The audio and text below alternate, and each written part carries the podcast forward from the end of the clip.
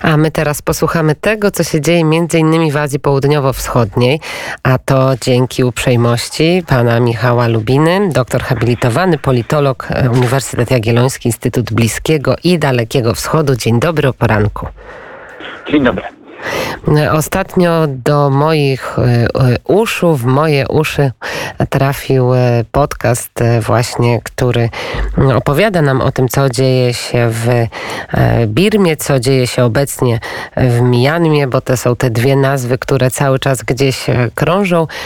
I taki ciekawy podcast związany z tym, co dzieje się, jeżeli chodzi o to tło religijne, a dokładnie o to, co dzieje się mm, w w kontekście buddyzmu i tej religii, która jest e, istotna i która ma trochę inny wymiar niż ten, który my znamy. Panie redaktorze, ale zanim o to zapytam, to chciałabym się zapytać jeszcze na początek, jak dzisiaj wygląda sytuacja w Mianmie, jak dzisiaj wyglądają te nastroje społeczne źle wygląda, mówiąc wprost, dlatego że mamy anarchizację kraju. Mamy sytuację, w której po zamachu stanu 1 lutego 2021 nastąpiły masowe protesty ludności, które następnie zostały krwawo stłumione.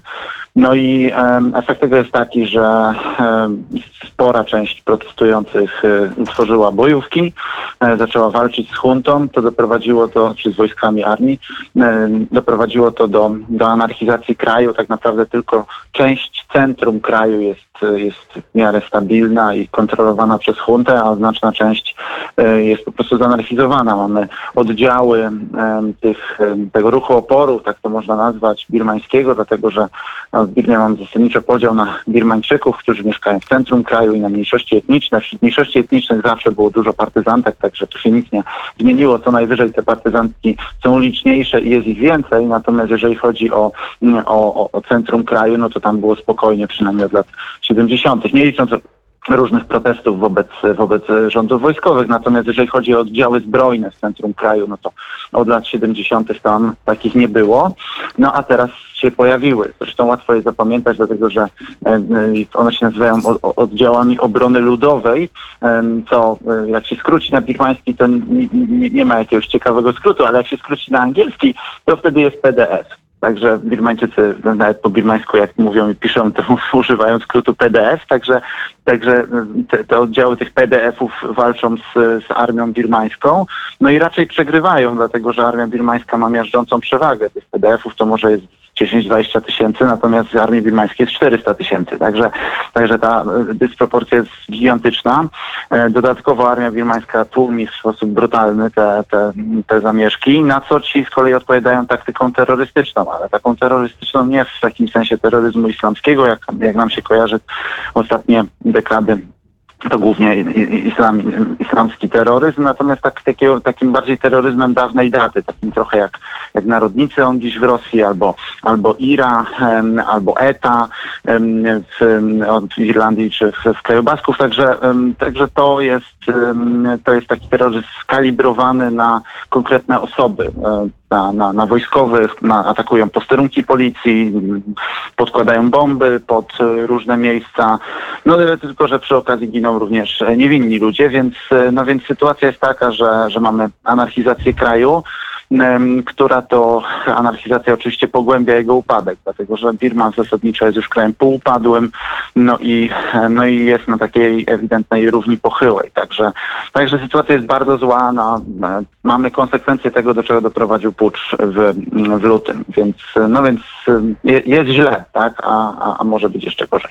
Ważną rolę w tym wszystkim na pewno odgrywa religia, na pewno odgrywa wyznanie. Jak wiemy, Birma to ponad 80% tych, którzy są wyznawcami buddyzmu. I nawiązując do tego podcastu, o którym wcześniej wspomniałam, buddyjska przemoc w Birmie, tak jak pan mówi, tak jak możemy przeczytać, oczywiście na zachodzie buddyzm cieszy się taką opinią religii pokoju, to właśnie w tym kraju, gdzie ponad 80% to wyznawcy buddyzmu, jest to nieco inny obraz. Jak to wygląda na miejscu?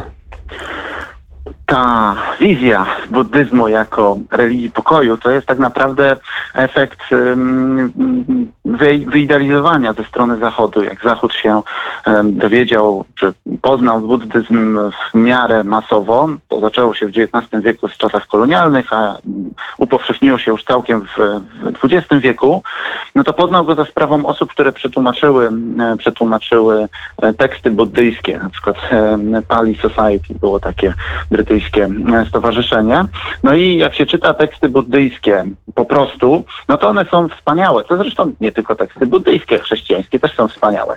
Natomiast później jak się zaczyna praktyka, o, wtedy się już zaczyna, zaczynają różnice, dlatego że no, państwa buddyjskie jak od, od, od, od, od właściwie od zawsze nie brzydziły się tak naprawdę przemocą e, i problem jakby nie, nie używa nieużywania czy nie, niestosowania zasadów, zasad moralnych tej religii był tam dokładnie taki sam jak w przypadku państw chrześcijańskich. E, tak jak w naszym kręgu kulturowym jakoś nikogo nie dziwi, że, e, że można rządzić nie do końca zgodnie z zasadami Ewangelii.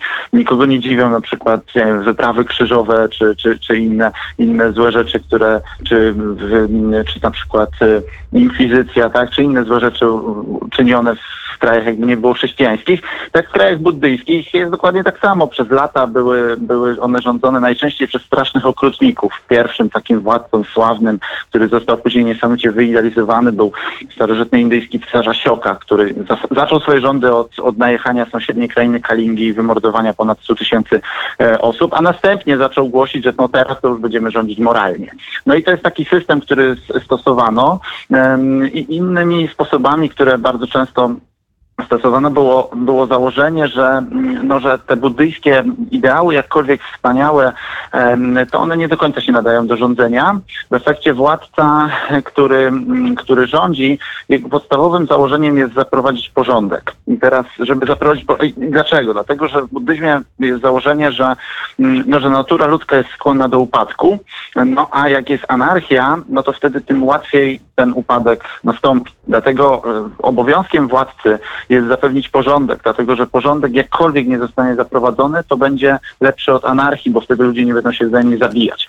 No a jak ten władca to zapewni? A, no to już inna sprawa. No i jeżeli się tam posunie do różnych działań, które są niezgodne z etyką buddyjską, a historia Sri Lanki, Birmy, Bhutanu, Tybetu, Tajlandii, Laosu, Kambodży, Japonii, Korei, naprawdę obfituje wiele przykładów tego, jak bardzo często posuwali się do, do, do zbrodni wszelakich, no to wtedy mm, władca może to nadrobić. Najczęściej, znaczy tam jest kilka sposobów omijania, ale tym najprostszym było nadrobienie tych złych rzeczy poprzez, poprzez robienie dobrych rzeczy.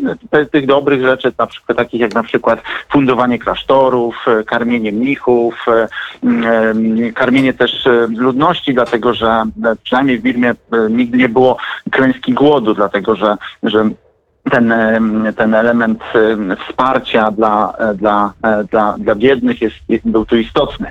Więc, więc znaczy nie było klęski głodu, jak nie było wojen, tak oczywiście, jak były, to była, natomiast jak, jak były normalnie regularne e, królestwa i, i one były w stanie zapewnić kontrolę, no to, to tym się odróżniała Birma na przykład od Indii, gdzie tam ten głód zawsze był niedaleko. Natomiast, natomiast w przypadku, w przypadku, no i właśnie odrobić albo zbudować pagodę, tak, to jeszcze jest taki bardzo bardzo popularny motyw, że jak zbuduje pagodę, no to, no to mu się odrobi za te, złe, za, za te złe rzeczy. I dokładnie przeskakując dzisiaj, dokładnie tą logiką kieruje się junta e, wojskowa birmańska, to znaczy ona ma poparcie części mnichów właśnie według tej logiki, tak, że lepsza, lepsza dyktatura niż anarchia. Ale też wiemy, co wynika z takiego e, raportu, który niedawno ujawniła przewodnicząca amerykańskiej Komisji do Spraw Międzynarodowej Wolności Religijnej, że wzmogły się także prześladowania chrześcijan w Birmie, że to jest też element tego krajobrazu, co, który powstał po tym zamachu stanu właśnie w lutym e, tego roku. Jak wygląda ta sytuacja chrześcijan? Niestety jak najbardziej tak. Zanim dokładnie odpowiem na Pani pytanie, to muszę zrobić mały trend. Otóż ta, ta wizja buddyzmu pokojowego, no ona już powoli zanika na zachodzie, dlatego że no, jakby nie spojrzeć w ostatnich latach mieliśmy co najmniej trzy, w ostatnich powiedzmy trzech, tak, od, odlicząc od lat 80. mieliśmy trzy spektakularne zbrodnie w Azji dokonane przez buddystów. Pierwsza miała miejsce w Butanie, który w ogóle ma znakomity PR. Wszyscy sobie myślą o Butanie, że tam tylko ludzie ten się tym swoim szczęściem narodowym brudco zajmują, a tymczasem w Butanie nastąpiła czystka etniczna Nepalczyków, więc to było w latach 80. jest bardzo słabo znana zbrodnia. Następnie mamy ostateczną rozprawę z Tamilami na, na Syriance, która miała miejsce e, w 2008 roku. E, No i tam dochodziło do licznych zbrodni. No i wreszcie mamy, mamy rozprawę, rozprawę w Birmie z, z muzułmanami Rohingya i wygnanie ich ponad 700 tysięcy ludzi e, do, do Bangladeszu. I teraz to, to te, te, wydarzenia jednak e, tę wizję buddyzmu, który się, który się przemocą nie, nie, nie kala, tak? Wizję oczywiście e, wyidealizowaną i nie mającą wiele wspólnego z rzeczywistością, no ale jednak trochę tą wizję osłabiły na Zachodzie. Natomiast na Zachodzie głównie się kojarzy prześladowanie, znaczy ten przemocowy buddyzm się głównie kojarzy z prześladowaniem muzułmanów. A tymczasem właśnie jak najbardziej również prześladują chrześcijan. Prześladują ich mniej dlatego, że tych chrześcijan jest mniej w Azji, a przynajmniej jest ich mniej w tych miejscach, w których buddyści mają przewagę, więc, więc to głównie z tego wynika. Jeżeli chodzi o samą Birmę, no to chrześcijanie, jakby problemem prześladowania chrześcijan się głównie biorą z tego, że część tych mniejszości etnicznych jest po prostu chrześcijanami no i oni mają swoje partyzantki, no więc walczą z huntą birmańską, więc takim rodzaj przemocowego budowania narodu w Birmie, przymuszania ich do, do tego, żeby zostali buddystami. To oznaczało na przykład w latach 90. burzenie kościołów, mordowanie, mordowanie duchowieństwa, po czym budowanie tam e, klasztorów buddyjskich i przesiedlanie ludności buddyjskiej na takie tereny. Tak było w stanie Chin na przykład. No a obecnie to jest e, właśnie efekt uboczny tej je- jeszcze bardziej zintensyfikowanej wojny domowej, kiedy mamy, e, kiedy mamy starcia, gu- dwie główne partyzantki, które walczą z, mm, z huntą obecnie.